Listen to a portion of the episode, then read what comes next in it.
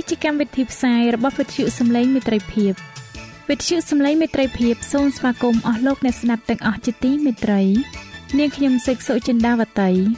ហើយខ្ញុំបាទអង្ចាន់វិជ្ជៈក៏សូមស្វាគមន៍លោកអ្នកស្ដាប់ទាំងអស់ផងដែរនៅពេលនេះយើងខ្ញុំមានសេចក្តីសុំមនស្សរីករាយដោយបានវិលមកជួបអស់លោកអ្នកនាងកញ្ញាអ្នកស្ដាប់សាជាថ្មីម្ដងទៀត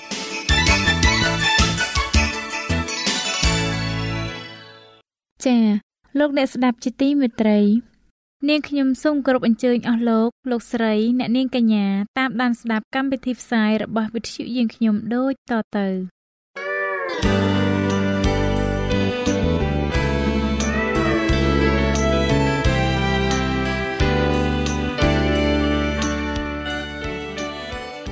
ព្រះបន្ទូលសម្រាប់អ្នកនៅថ្ងៃនេះព្រះគម្ពីរកូរិនថូសទី1ចំពុក15ខ57ដល់ខ58បានចែងថា តែអរព្រគុណដល់ព្រះអង្គពីព្រោះទ្រង់ប្រទានឲ្យយើងរាល់គ្នាមានជ័យជំនះដោយសារព្រះយេស៊ូវគ្រីស្ទជាព្រះអង្គម្ចាស់នៃយើង បានជាបងប្អូនស្ងួនភ្ងាអើយចូលកាន់យ៉ាងខ្ជាប់ខ្ជួនដោយអត់រង្គើទាំងធ្វើការព្រះអង្គម្ចាស់ឲ្យបរិបូរជាដរាបចុះដោយដឹងថាការដែលអ្នករាល់គ្នាខំប្រឹងធ្វើក្នុងព្រះអង្គម្ចាស់នោះមិនមែនអត់ប្រយោជន៍ទេ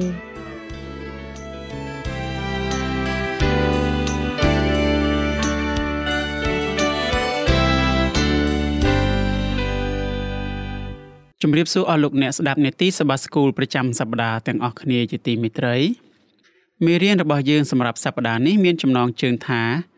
ការជ្រើសរើសយកខាងឯជីវិត សម្រាប់លោកអ្នកដែលចង់បានមេរៀននេះប្រើប្រាស់នៅលើទូរស័ព្ទដៃ Android លោកអ្នកអាចទាញយកបាន តាមរយៈ Play Store ដោយវាយពាក្យថាខ្មែរសបាស្គូល មុននឹងយើងចាប់ផ្ដើមមេរៀនសម្រាប់សប្តាហ៍នេះសូមលោកអ្នកបានពិចារណានៅចំណុចនិងសំណួរមួយចំនួនតាក់ទងជាមួយនឹងមេរៀននេះដូចតទៅ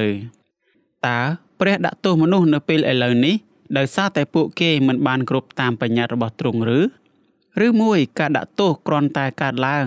ដោយឯកឯងនៅពេលដែលមនុស្សប្រព្រឹត្តអំពើបាបឬមួយទាំងពីរយ៉ាងនេះឬមានករណីណាមួយ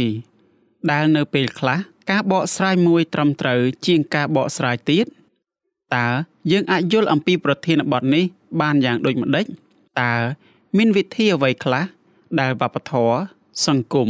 និងជនជាតិរបស់លោកអ្នកអាចមានទស្សនៈទាំងឡាយដែលអាចដឹកនាំលោកអ្នកឲ្យចូលទៅក្នុងការថ្វាយបង្គំខុសឆ្គងបើសិនជាលោកអ្នកមិនប្រុងប្រយ័ត្ននោះអស់លោកអ្នកជាទីមេត្រី Sandy ជាស្ត្រី មានអាយុ22ឆ្នាំបានឈឺជាទម្ងន់ នាងមានដុំសាច់ដុះនៅក្នុងខួរក្បាលរបស់នាង គ្រូពេទ្យមិនអាចសង្គ្រោះនាងបានឡើយ ហើយ Sandy ក៏មិនចង់ស្លាប់នោះដែរដូច្នេះនាងបានរៀបចំផែនការមួយ បន្ទាប់ពីនាងស្លាប់ទៅ ក្បាលរបស់នាងត្រូវតែដាក់ឲ្យកកនៅក្នុងប្រអប់ដែលពេញទៅដោយអាសូតរាវអាសូតរាវនេះនឹងជួយទប់ស្កាត់មិនឲ្យខួរក្បាលរបស់នាងពុកផុយរលេះរលួយឡើយ។ ខួរក្បាលរបស់នាងនឹងនៅរក្សាទុកនៅក្នុងអសុតនោះបាន50ឆ្នាំទៅ100ឆ្នាំឬ1000ឆ្នាំឬអាយុជាងនេះទៅទៀតរហូតដល់អ្នកវិទ្យាសាស្ត្រអាចរកឃើញរបៀបដំឡើងខួរក្បាលរបស់នាងឲ្យចូលទៅក្នុងកុំព្យូទ័របាន ពេលនោះនាងប្រហែលជាអាចរស់ឡើងវិញ ជារៀងរហូតផងរឿងនេះគួរឲ្យសោកស្ដាយណាស់មនុស្សវ័យក្មេងម្នាក់នឹងត្រូវស្លាប់នៅពេលដែលនាងមានឱកាសរស់នៅយ៉ាងពិតប្រាកដមួយ Cindy ចង់រស់នៅជាទីបំផុតប៉ុន្តែនាងបានដាក់សេចក្តីសង្ឃឹមរបស់នាងសម្រាប់ជីវិតនៅក្នុងកន្លែងដែលមិនត្រឹមត្រូវទៅវិញជាការពិតណាស់នាងបានជ្រើសរើសផែនការដែលនឹងត្រូវបរាជ័យនៅទីបញ្ចប់សប្តាហ៍នេះយើងនឹងសិក្សាអំពីកាន់គម្ពីរចោទយកថារបស់យើងបន្តទៅទៀតយើងនឹងក្រឡេកមើលទៅឱកាសដែលព្រះបានប្រទានឲ្យយើង នៅក្នុងការជ្រើសរើសយកជីវិត។ ប្រសិនបើយើងចង់បានអំណោយនេះយើងចាំបាច់ត្រូវតែទទួលយកវានៅក្នុងរបៀបដែលព្រះនឹងផ្ដល់ឲ្យយើង ដើមនៃជីវិតគ្មានអ្នកណាម្នាក់ដែលបានសូមឲ្យខ្លួនកើតនៅលើផែនដីនេះនោះទេមែនទេ យើងមិនបានជ្រើសរើសកន្លែងកំណើតឬអ្នកណាដែលស័ក្តិសមជាឪពុកម្ដាយរបស់យើងនោះទេ យើងក៏អាចនិយាយអំពីលោកអាដាមនិងនាងអេវ៉ាដូចគ្នាដែរ យើងមិនអាចជ្រើសរើសឲ្យព្រះបង្កើតពួកគេរីឯស្លឹកឈើដុំថ្មឬភ្នំក៏ដូចគ្នាដែរតើអ្វីដែលធ្វើឲ្យយើងខុសប្លែកពីរបស់ផ្សេងផ្សេងទៀតដែលព្រះបានបង្កើតនោះ អាមីបគឺជាសត្វដ៏តូចតូចបំផុត ដែលលោកអ្នកអាចមើលឃើញតាមរយៈមីក្រូទស្សន៍តែប៉ុណ្ណោះដុំថ្ម និងអាមីបគ្មានសេរីភាពក្នុងការជ្រើសរើសនោះទេប៉ុន្តែសម្រាប់យើងដែលជាមនុស្សយើងមានជំរើសគ្រប់គ្រាន់ ព្រះមិនបានបង្កើតដុំថ្ម និងអាមីបឲ្យដូចជាអង្គទ្រង់នោះទេប៉ុន្តែព្រះបានបង្កើតរូបយើងឲ្យដូចជារូបអង្គទ្រង់វិញ ទន្ទឹមនឹងនេះ យើងក៏មិនបានជ្រើសរើសឲ្យព្រះបង្កើតយើងនោះដែរហើយព្រះបានផ្ដល់ជំរើសឲ្យយើងក្នុងការចាត់ចែងជីវិត ដែលទ្រង់បានប្រទានដល់យើងនេះ យើងអាចជ្រើសរើសទទួលជីវិតអស់កលជានិច្ចនៅក្នុងទ្រង់ យើងក៏អាចទទួលបានជីវិតមួយនេះដោយសារតែព្រះយេស៊ូវបានសគត់ជំនួសយើងនៅលើឈើឆ្កាងផងដែរនៅក្នុងសិភៅមហាវិវាទអ្នកស្រី Ellen G. White បានលើកឡើងថាដើមនៃជីវិតបានដុះនៅចំកណ្ដាលសួនអេដែនផ្លែចេញពីដើមនេះ បានធ្វើឲ្យជីវិតនៃមនុស្សលោករស់បន្តជារៀងរហូតបើសិនជាលោកអាដាមនៅតែគោរពតាមព្រះនោះគាត់នឹងនៅតែបន្តបរិភោគផ្លែចេញពីដើមនេះ តាមដែលចិត្តចង់ហើយគាត់នឹងរស់នៅជារៀងរហូតប៉ុន្តែលោកអាដាមបានធ្វើបាបម្ល៉េះហើយព្រះបានហាមលោកមិនឲ្យបរិភោគផ្លែចេញពីដើមនៃជីវិតនោះទៀតទេ លោកអាដាមនឹងត្រូវស្លាប់ ព្រះបានប្រកាសប្រាប់លោកអាដាមថាឯងនឹងបានអាហារស៊ីដោយការបែកញើសដរាបដល់ឯងត្រឡប់ទៅជាដីវិញ ពីព្រោះអញបានយកឯងពីដីមកត្បិតឯងជាធូលីដី ក៏ត្រូវត្រឡប់ទៅជាធូលីដីវិញព្រះគម្ពីរលោកុបាទចំពុក3ខ19ការដាក់ទោសនេះបង្ហាញនៅពេលដែលលោកអាដាមស្លាប់ទៅគ្មានអ្វីដែលនៅសេសសល់ពីជីវិតរបស់គាត់នៅលើផែនដីនេះទៀតទេ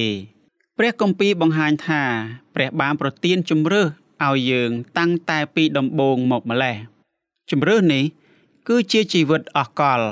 ឬសេចក្តីស្លាប់ ដែលបញ្ឈប់យើងមិនឲ្យរស់ជារៀងរហូតនោះឯងយើងមិនអាចភ្ញាក់ឡើងម្ដងទៀតចេញពីសេចក្តីស្លាប់បានឡើយលោកអ្នកឃើញថាដើមជីវិត បានបង្ហាញខ្លួនម្ដងទៀតនៅក្នុងព្រះគម្ពីរចុងក្រោយនៃព្រះគម្ពីរដែរឬទេសូមអានព្រះគម្ពីរវិវរណៈជំពូក2ខ7និងជំពូក22ខ2និងខ14ព្រះប្រហែលជាចង់ឲ្យនឹកចាំថា យើងអាចបរិភោគផ្លែចេញពីដើមជីវិតនោះបានជានិច្ចប៉ុន្តែយើងបានបាត់បង់ឱកាសនោះដោយសារតែអំពើបាបបន្ទាប់ពីព្រះបានដោះស្រាយបញ្ហានៃអំពើបាបនេះចប់សពគ្រប់ហើយយើងនឹងអាចបរិភោគផ្លែចេញពីដើមនេះម្ដងទៀតប៉ុន្តែយើងត្រូវតែជ្រើសរើសយកជីវិតជាមុនសិនយើងអាចថ្លែងអំណរគុណដល់ព្រះយេស៊ូវដែលបានធ្វើឲ្យយើងរើសយកជំរើសនេះបាន មានជំរើសតែពីរប៉ុណ្ណោះយោងតាមព្រះគម្ពីរទាំងមូល ព្រះបានប្រទានជំរើសពីរដល់យើង ជីវិត និងសេចក្តីស្លាប់សូមអានព្រះគម្ពីរដូចតទៅតើជំរើសអ្វីខ្លះដែលលោកអ្នកឃើញនៅក្នុងខគម្ពីរនីមួយៗទាំងនេះព្រះគម្ពីរយូហានជំពូក3ខ16លោកកបាត់ជំពូក7ខ22និងខ23រ៉ូមជំពូក6ខ23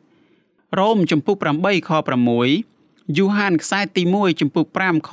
12និងព្រះគម្ពីរម៉ាថាយចំពុក7ខ24ដល់ខ27នៅទីបំផុត យើងមានជំរើសតែពីរប៉ុណ្ណោះសូមចងចាំថា យើងគឺជាផ្នែកមួយនៃមហាវិវាទរវាងសេចក្តីល្អនិងសេចក្តីអាក្រក់ព្រះនឹងបញ្ចប់សង្គ្រាមនេះនៅពេលណាមួយនាពេលអនាគត នៅពេលនោះអំពើបាបសាតាំង ឬអរិយនឹងការរំលងបញ្ញត្តិព្រមទាំងការប្រឆាំងទាស់នឹងព្រះនឹងត្រូវបញ្ចប់ជារៀងរហូតមុនពេលហេតុការណ៍នោះមកដល់យើងម្នាក់ម្នាក់នឹងត្រូវសម្រេចចិត្តដោយជ្រើសរើសយកជីវិត ឬសេចក្តីស្លាប់ដោយខ្លួនឯងផ្ទាល់យើងអាចជ្រើសរើសយកជីវិតអកល ដែលព្រះបានរៀបចំទុកសម្រាប់មនុស្សដើម្បីឲ្យមនុស្សទទួលបានជីវិតមុនពេលដែលទ្រង់បង្កើតផែនដីនេះមកម្លេះ យើងអាចជ្រើសរើសយកសេចក្តីស្លាប់ដែលយើងនឹងមិនអាចភ្ញាក់ឡើងវិញជារៀងរហូតឡើយលោកប៉ុលបានមានប្រសាសន៍អំពីអ្វីដែលនឹងត្រូវកើតឡើងចំពោះអ្នកដែលបានជ្រើសរើសយកសេចក្តីស្លាប់យ៉ាងដូចនេះថា គេនឹងរងទុក្ខទោស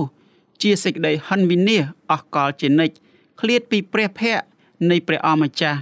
ហើយពីសេរីល្អនៃព្រះជាស្ដាទ្រង់ព្រះគម្ពីរទេសាឡូនីកខ្សែទី2ជំពូក1ខ9 តើយើងនឹងជ្រើសរើសជំរើសមួយណា ការសម្រេចចិត្តគឺស្ថិតនៅលើរូបយើងម្នាក់ម្នាក់ផ្ទាល់ខ្លួន យើងមានជំរើសចំនួន2នៅពីមុខយើងគ្រប់គ្នាជំរើសនោះគឺ ជ្រើសរើសយកជីវិត ឬយកសេចក្តីស្លាប់សូមលោកអ្នកគិតបន្ថែមទៀតអំពីជំរើសដែលត្រូវជ្រើសរើសរវាងជីវិតអស់កល និងសេចក្តីស្លាប់ព្រមទាំងទីបញ្ចប់របស់យើងជារៀងរហូតនោះដូច្នេះ តើហេតុអ្វីបានជាសេចក្តីពិតនៃព្រះគម្ពីរអំពីឋានឃុំប្រលឹង ជាការកំសាន្តចិត្តមួយទៅវិញ មនុស្សខ្លះបានជឿថាឋានឃុំប្រលឹង គឺជាកន្លែងដែលមនុស្សត្រូវឆេះជារៀងរហូតគោលគំនិតខុសឆ្គងមួយនេះបង្ហាញរូបភាពអាក្រក់អ្វីខ្លះដល់យើងអំពីព្រះ ប្រសិនបើយើងជឿថាទ្រង់ដុតមនុស្សមានបាបជារៀងរហូតនៅក្នុងបឹងភ្លើងនោះព្រះពរនិងបណ្ដាសា នៅចិត្តចុងបញ្ចប់នៃកាន់គម្ពីរចោទយកថាលោកម៉ូសេបានបញ្ជាក់ការផ្ដល់អាវាតដល់ពួកបណ្ដាជន អំពីសេចក្តីអាក្រក់ដែលនឹងត្រូវកើតឡើងចំពោះពួកគេ ប្រសិនបើពួកគេមិនគោរពតាមព្រះ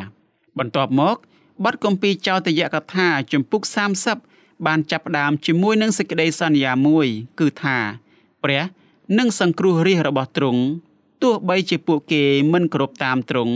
នឹងត្រូវបានដាក់ទោសតាមរយៈការបញ្ជូនឲ្យទៅរស់នៅក្នុងប្រទេសដទៃក៏ដោយ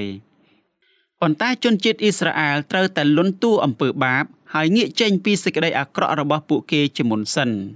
ព្រះជាម្ចាស់បានដាក់ជំរឿសមួយនៅក្នុងជំរឿសទាំងពីរនៅមុខរាជរបស់ទ្រង់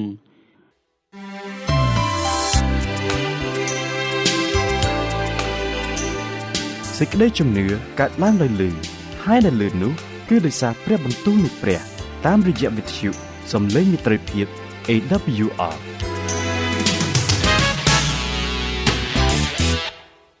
អស់លោកអ្នកជាទីមេត្រីព្រះបានប្រទានជំរឿសដូចគ្នានេះដល់លោកអាដាមនិងនាងអេវ៉ានៅក្នុងសួនច្បារអេដែនផងដែរ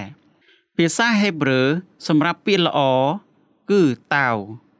និងអាក្រក់គឺរ៉ា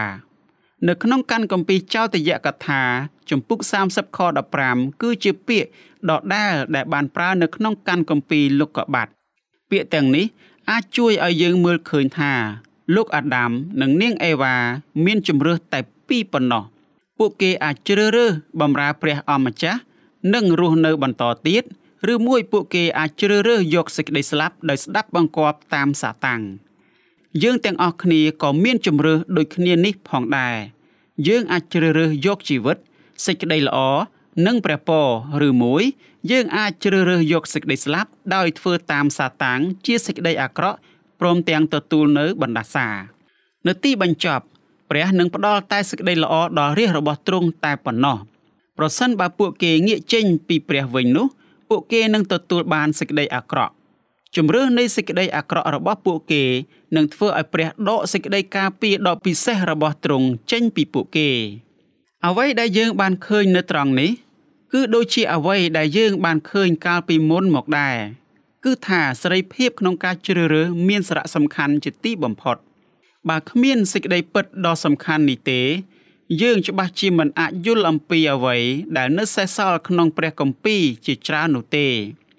ដូច្នេះ ព្រះអម្ចាស់ប្រកាសជាមានបន្ទូលទៅកាន់រាជរបស់ទ្រង់យ៉ាងដូចនេះថាខ្ញុំបានប្រទានសេរីភាពក្នុងការជ្រើសរើសដល់អ្នករាល់គ្នាហើយ សូមជ្រើសរើសយកជីវិតសេចក្តីល្អនិងព្រះពរចុះតែសូមកុំជ្រើសរើសយកសេចក្តីស្លាប់សេចក្តីអាក្រក់និងបណ្ដាសានោះឡើយអស់លោកអ្នកជាទីមេត្រី យើងបានដឹងអំពីជំរើសមួយណា ដែលត្រឹមត្រូវហើយមែនទេ ពិតណាស់ចម្លើយពិតជាងាយស្រួលជាទីបំផុត ប៉ុន្តែតើមានអ្វីកើតឡើងចំពោះសាសអ៊ីស្រាអែលទៅ ពួកគេបានជ្រើសរើសខុសម្ដងហើយម្ដងទៀតយើងគួរតែរៀនអំពីគំរូមិនល្អរបស់ពួកគេសាសអ៊ីស្រាអែលបានបង្ហាញយើងអំពីអ្វីដែលអាចនឹងកើតឡើងនៅក្នុងជីវិតរបស់យើងផ្ទាល់ប្រសិនបើយើងមិនថ្វាយចិត្តរបស់យើងទាំងស្រុងទៅឯព្រះអម្ចាស់ហើយជ្រើសរើសយកជីវិតនោះទេ មិនពិបាកសម្រាប់អ្នកឡើយ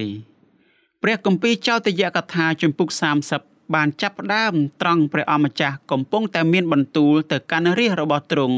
អំពីអ្វីដែលនឹងកើតឡើងប្រសិនបើពួកគេមិនព្រមសារភាពអំពើបាប ហើយងាកចេញពីផ្លូវអាក្រក់របស់ពួកគេនោះព្រះបានប្រទានសេចក្តីសន្យាល្អល្អជាច្រើនដល់ពួកគេពួកកូនចៅអ៊ីស្រាអែលប្រកាសជាមានអារម្មណ៍កក់ក្ដៅចំពោះសេចក្តីសន្យាទាំងនោះណាស់ព្រះ នឹងបង្ហាញពួកគេអំពីសេចក្តីស្រឡាញ់របស់ទ្រង់កាលណាពួកគេត្រឡប់មកឯទ្រង់វិញ ពេលនោះរាជរបស់ទ្រង់នឹងស្រឡាញ់ទ្រង់វិញ ពួកគេនឹងបង្ហាញអំពីសេចក្តីស្រឡាញ់របស់ពួកគេចំពោះព្រះតាមរយៈការគោរពតាមអ្វីអ្វីគ្រប់យ៉ាង ដែលទ្រង់បានបង្គាប់ឲ្យពួកគេធ្វើសូមក្រឡេកមើលភាសាដ៏ល្អប្រពៃដែលព្រះអម្ចាស់បានប្រើនៅក្នុងខទាំងនេះ រួមទាំងពាក្យដ៏មានអំណាចដែលទ្រង់បានប្រើក្នុងការចែករំលែក អំពីគំនិតនៅក្នុងព្រះតីរបស់ទ្រង់ផងដែរព្រះអម្ចាស់មិនបានសូមឲ្យរាជរបស់ទ្រង់ធ្វើអ្វីដែលពិបាកហួសល្បត់នោះទេព្រះគម្ពីរចោទយកថាជំពូក30ខ1ដល់ខ14បានចែងថាត្បិតសេចក្តីបញ្ញត្តិដែលអញបង្គាប់មកឯងនៅថ្ងៃនេះ មិនហួសកម្លាំងឯងទេក៏មិនមែននៅឆ្ងាយដែរក៏មិនមែននៅលើស្ថានសួគ៌ឲ្យឯងបានថាតើអ្នកណានឹងឡើងទៅស្ថានសួគ៌ នាំយកព្រះបន្ទូលមកប្រាប់យើងខ្ញុំ ដើម្បីឲ្យយើងខ្ញុំបានប្រព្រឹត្តតាមនោះទេក៏មិនមែននៅត្រើយសមុទ្រខាងនាយឲ្យឯងបានដឹងថាតើអ្នកណានឹងឆ្លងសមុទ្រទៅនាំយកព្រះបន្ទូលមកប្រាប់យើងខ្ញុំ ដើម្បីឲ្យយើងខ្ញុំបានប្រព្រឹត្តតាមនោះដែរគឺព្រះបន្ទូលនេះនៅចិត្តឯងណាស់ក៏នៅក្នុងមាត់ឯងនិងចិត្តឯងផង ដើម្បីឲ្យឯងអាចប្រព្រឹត្តតាមបាន អស់លោកអ្នកជាទីមេត្រីតើព្រះអម្ចាស់កំពុងតែមានបន្ទូលអំពីអ្វីនៅត្រង់នេះទ្រង់មានបន្ទូលថា អ្នកបានដឹងអំពីបញ្ញត្តិរបស់ខ្ញុំសំលមមនឹងប្រកាសប្រាប់ដល់មនុស្សដទៃអ្នកគ្មានខណាអះអាងថា ដែលរៀបរៀងមិនឲ្យអ្នកគោរពតាមខ្ញុំនោះទេ ព្រះនឹងជួយឲ្យយើង អាចធ្វើអ្វីគ្រប់យ៉ាងដែលទ្រង់សូមឲ្យយើងធ្វើ បន្ទាប់ពីព្រះអម្ចាស់ផ្ដល់សេចក្តីបង្គាប់របស់ទ្រង់ដល់ពួកគេរួចរាល់ហើយនោះរាជរបស់ទ្រង់ត្រូវតែបានស្ដាប់បង្គាប់ហើយបានបង្គាប់ឲ្យធ្វើការជ្រើសរើសរវាងជីវិតនិងសេចក្តីស្លាប់ប្រសិនបើពួកគេជ្រើសរើសយកជីវិតដោយមានសេចក្តីជំនឿនោះពួកគេនឹងទទួលបានជីវិតនោះមែនតើមានអ្វីខុសគ្នាសម្រាប់យើងនៅសម័យសពថ្ងៃនេះដែរឬទេ សំណួរនៃការថ្វាយបង្គំ តើអ្វីដែលធ្វើឲ្យសាសអ៊ីស្រាអែលខុសពីសាសដទៃនោះគឺជាការថ្វាយបង្គំការថ្វាយបង្គំគឺជាផ្នែកដ៏សំខាន់បំផុតមួយនៃសេចក្តីសញ្ញារវាងព្រះនិងរាជរបស់ទ្រង់មានតែសាសអ៊ីស្រាអែលប៉ុណ្ណោះដែលបានគោរពថ្វាយបង្គំព្រះរីឯសាសដទៃវិញពួកគេបានគោរពថ្វាយបង្គំព្រះคล้ายคล้ายដែលមិនមែនជាព្រះពិតទៅវិញព្រះអម្ចាស់បានប្រកាសថាអញនេះហើយដែលជាព្រះ គ្មានព្រះឯណាទៀតក្រៅពីអញឡើយព្រះគម្ពីរចោទយកថាជំពូក32ខ39កាលពីរាប់ពាន់ឆ្នាំមុនជនជាតិអ៊ីស្រាអែលបានរស់នៅក្នុងចំណោមមនុស្សដែលមានវប្បធម៌គោលជំនឿគោលគំនិត និងសកម្មភាពទាំងឡាយទាស់នឹងការថ្វាយបង្គំព្រះជាម្ចាស់ដូច្នេះរាជរបស់ព្រះក៏ត្រូវតែប្រុងប្រយ័ត្នជានិច្ចមិនឲ្យពួកព្រះ នៃលោកីទាំងនេះคล้ายជាព្រះរបស់ពួកគេផងដែរ ព្រះរបស់យើងប្រៀបដូចជាភ្លើងឆេះបន្សោះគឺជាព្រះប្រច័នព្រះគម្ពីរចោទយកថាជំពូក4ខ24និងជំពូក5ខ9លោកអ្នកក៏អាចអាននៅក្នុងព្រះគម្ពីរចោទយកថាដដែលជំពូក6ខ15ផងដែរមានតែព្រះប៉ុណ្ណោះដែលស័កសមឲ្យយើងថ្វាយបង្គំទ្រង់យើងឃើញថាយើងត្រូវតែជ្រើសរើសម្ដងទៀតគឺថាយើងត្រូវតែជ្រើសរើសថ្វាយបង្គំព្រះអម្ចាស់ ទ្រង់អាចនាំមកនៅជីវិតសេចក្តីល្អនិងព្រះពរដល់យើងឬមួយយើងអាចថ្វាយបង្គំព្រះដតីបានជំរឿនេះអាចនាំមកនៅសេចក្តីអាក្រក់បណ្ដាសានិងសេចក្តីស្លាប់ដល់យើង ជាការពិតណាស់ព្រះគម្ពីរវិវរណៈនិងព្រះគម្ពីរចោទយកថា បានបង្ហាញយើងអំពីសម័យខុសៗគ្នានៅក្នុងប្រវត្តិសាស្ត្រប៉ុន្តែកាន់គម្ពីរទាំងពីរនេះបានលើកឡើងនៅសំណួរដូចគ្នាយ៉ាងដូចនេះថា តើមនុស្សនឹងថ្វាយបង្គំព្រះ ហើយទទួលយកជីវិត ឬមួយពួកគេឈប់តតាំងជាមួយនឹងការគៀបសង្កត់ងាកចេញពីព្រះ ហើយបែរទៅរកសេចក្តីស្លាប់វិញនៅទីបញ្ចប់មនុស្សម្នាក់ម្នាក់ត្រូវតែក្រឡេកមើលចិត្តរបស់គេ ដើម្បីស្វែងរកចម្លើយនេះព្រះមិនបានបង្ខំឲ្យរាជរបស់ទ្រង់គោរពតាមទ្រង់នៅឯទីរហោស្ថាននោះទេ ហើយសប្តាហ៍ថ្ងៃនេះ ព្រះក៏មិនបានបង្ខំយើងដែរ ព្រះគម្ពីរវិវរណៈជំពូក13បានបង្ហាញយើងថា អំណាចនៃសត្វសាហាវឡើងចេញពីសមុទ្របានបង្ខំមនុស្សឲ្យគោរពតាមរីឯព្រះទ្រង់ធ្វើកិច្ចការដោយសេចក្តីស្រឡាញ់វិញព្រះបានប្រទានជំរឿសដល់សាសអ៊ីស្រាអែលព្រះក៏បានប្រទានជំរឿសដូចគ្នានេះដល់យើងនៅសប្តាហ៍ថ្ងៃនេះដែរពាក្យដ៏សំខាន់បំផុតនៅត្រង់នេះគឺជំរឿសគោលជំនឿខុសឆ្គងនៅក្នុងគ្រិស្តសាសនាបានបង្រៀនថា យើងមិនមានសេរីភាពក្នុងការជ្រើសរើសនោះទេ ការបង្រៀននេះបាននិយាយថា ព្រះបានជ្រើសរើសមនុស្សខ្លះឲ្យវង្វេងហើយឲ្យឆេះនៅក្នុងបឹងភ្លើងជារៀងរហូត ព្រះបានបង្រៀនថា យើងនឹងសម្រេចតាមសេរីភាពក្នុងការជ្រើសរើសរបស់យើងថា យើងនឹងរស់ឬក៏ស្លាប់ទោះបីជានរណាម្នាក់ជ្រើសរើសខុសក៏ដោយ ពួកគេនឹងមិនត្រូវឆេះនៅក្នុងបឹងភ្លើងជារៀងរហូតនោះទេ នៅក្នុងសិភៅមហាវិវាទអ្នកស្រី Ellen G. White បានលើកឡើងថា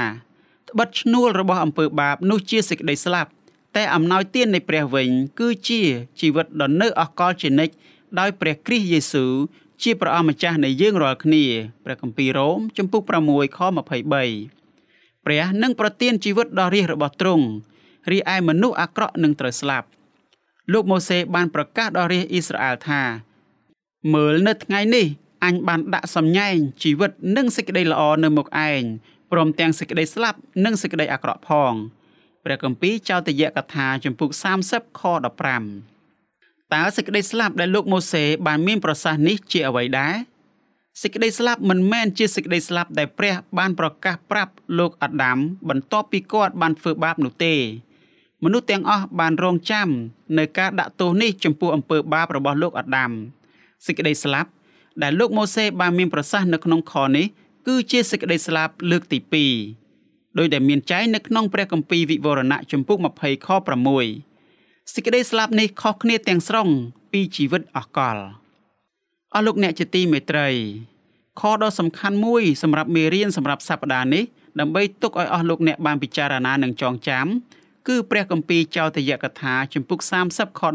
19ដែលខព្រះគម្ពីរមួយនេះបានចែងយ៉ាងដូចនេះថា អញអាងដល់ស្ថានសួគ៌និងផែនដីឲ្យធ្វើជាបន្ទាល់ទាស់នឹងឯងរាល់គ្នានៅថ្ងៃនេះថាអញបានដាក់សម្ញែងទាំងជីវិត និងសេចក្តីស្លាប់ទាំងព្រះពរនិងបណ្ដាសានៅមុខឯងរាល់គ្នាដូច្នេះចូលរើសយកជីវិតចុះដើម្បីឲ្យឯងបានរស់នៅព្រមទាំងពូជឯងតរៀងទៅផងអស់លោកអ្នកជាទីមេត្រីសូមឲ្យអត្តន័យនៃមេរៀននេះបានជាប្រពរនិងជាសេចក្តីសង្ឃឹមដល់អស់លោកអ្នកទាំងអស់គ្នា ជាពិសេសសូមឲ្យអស់លោកអ្នកបាននៅជាប់ជាមួយនឹងព្រះជាម្ចាស់ហើយជ្រើសរើសយកនៅជីវិត ដើម្បីឲ្យបានភ្លក់នៅជីវិតអស់កលព្រមទាំងសេចក្តីអំណរជាមួយនឹងព្រះជារៀងរហូត នៅឯនគរឋានសួគ៌សូមព្រះទ្រង់ប្រទានពរកម្មវិធីសបាស្គូលប្រចាំសប្តាហ៍នេះនឹងវិលមកជួបអស់លោកអ្នកនៅសប្តាហ៍ក្រោយ សូមអរគុណវិ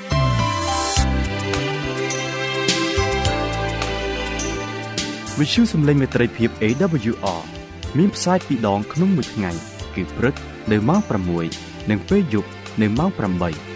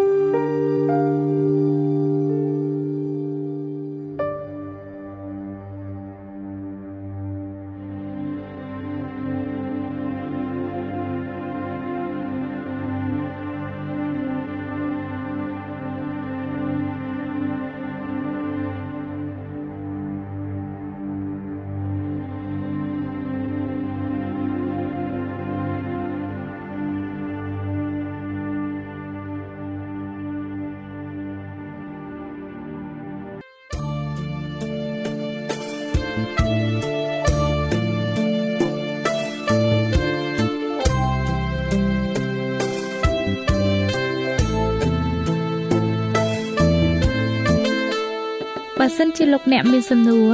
ឬសំណុំពរអ្វីសូមតាក់ទងមកការិយាល័យវិទ្យុយើងខ្ញុំ តាមអាស័យដ្ឋានផ្ទះលេខ15ផ្លូវលេខ568សង្កាត់បឹងកក់2ខណ្ឌទួលគោករាជធានីភ្នំពេញលោកអ្នកក៏អាចសរសេរសម្បត្តិផ្ញើមកយើងខ្ញុំតាមរយៈប្រអប់សម្បត្តិលេខ488ភ្នំពេញឬតាមទូរស័ព្ទលេខ012 34 96 64ឬ097 80 81 060ឬក៏តាមរយៈអ៊ីមែល vol@awr.org យើងខ្ញុំរងចាំទទួលស្វាគមន៍អស់លោកអ្នកនាងដោយក្តីសោមនស្សរីករាយហើយលោកអ្នកក៏អាចស្ដាប់កម្មវិធីនេះឡើងវិញដោយចូលទៅកាន់ website របស់វិទ្យុយើងខ្ញុំ តាមរយៈអាស័យដ្ឋាន www.awr.org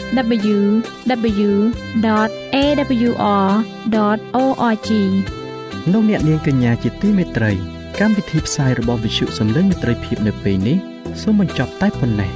យើងខ្ញុំសូមអរគុណចំពោះការតាមដានស្ដាប់របស់អស់លោកអ្នកតាំងពីដើមរហូតដល់ចប់យើងខ្ញុំសូមជូនពរឲ្យអស់លោកអ្នកនាងកញ្ញាទាំងអស់